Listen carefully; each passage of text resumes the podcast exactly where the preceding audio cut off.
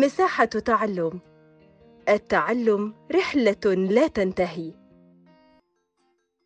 تحية لكم من بودكاست مساحة تعلم التابعة لهيئة كير الدولية مصر. معكم أنا وحيد أحمد مدرس مادة الرياضيات للمرحلة المتوسطة المنهج السوداني للعام الدراسي 21 22 ومع بداية العام الدراسي الجديد نتمنى لكم دوام النجاح والتفوق أقدم الدرس الأول للصف الأول المرحلة المتوسطة بعنوان الأعداد النسبية. معلوم أن الكسور العادية التي تعلمناها في الصفوف السابقة هي لأي كسر له كسور مكافئة. فمثلا أربعة على ثمانية يكافئها ثلاثة على ستة يكافئها اثنين على أربعة يكافئها واحد على اثنين. وأيضا الكسور ثمانية على 12 يكافئها ستة على تسعة يكافئها أربعة على ستة يكافئها اثنين على ثلاثة.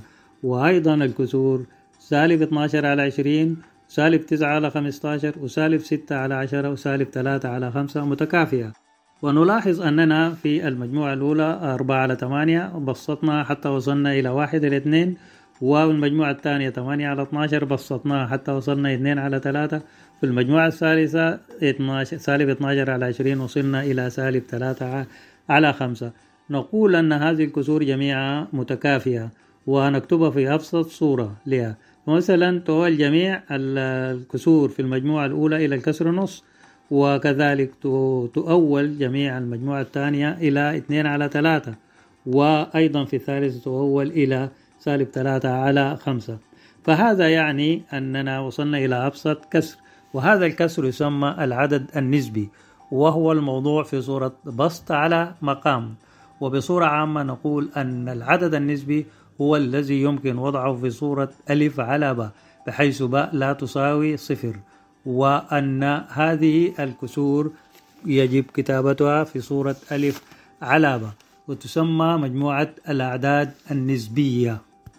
وكما عرفنا أن مجموعة الأعداد الطبيعية جزئية من مجموعة الأعداد الكلية ومجموعة الأعداد الكلية جزئية من مجموعة الأعداد الصحيحة وهنا مجموعة الأعداد الصحيحة هي مجموعة جزئية من مجموعة الأعداد النسبية. أي بمعنى أن أي عدد صحيح يمكن وضعه في صورة ألف على باء بحيث نضع المقام واحد صحيح. فمثلا سالب سبعة مقام واحد لأن سبعة على واحد تعطينا سبعة. سالب سبعة على واحد تعطينا سالب سبعة.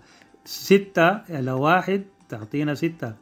إذا الستة كعدد صحيح هي وضعناها في صورة ألف على باء نضعها في شكل ستة بالبسط وواحد على المقام بمعنى أن أي عدد صحيح يمكن وضعه في صورة ألف على باء بوضع المقام له وهو الواحد الصحيح بحيث أنه لا تتغير قيمة القسمة على الواحد أو الضرب في الواحد. إذا مجموعة الأعداد النسبية هي مجموعة الكسور العادية أي بمعنى هي التي يمكن وضعها في صورة ألف على باء إذا وضعنا أي عدد صحيح في صورة ألف على باء معنى ذلك أننا وضعناه في صورة العدد النسبي.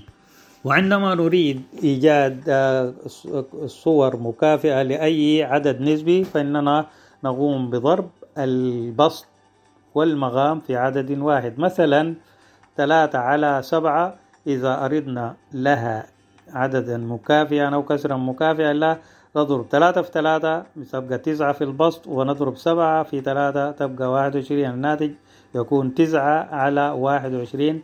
هذا العدد النسبي الذي يكافي العدد النسبي ثلاثة على سبعة. وهكذا عندما نريد إيجاد أي عدد نسبي مكافي لعدد نسبي آخر نقوم بالضرب. أو القسمة في البسط والمقام في عدد واحد. أي بمعنى نضرب ألف في عدد والباء في نفس العدد لكي لا تتغير القيمة العدد النسبي الذي نريد أن نجده مكافئا لهذا العدد.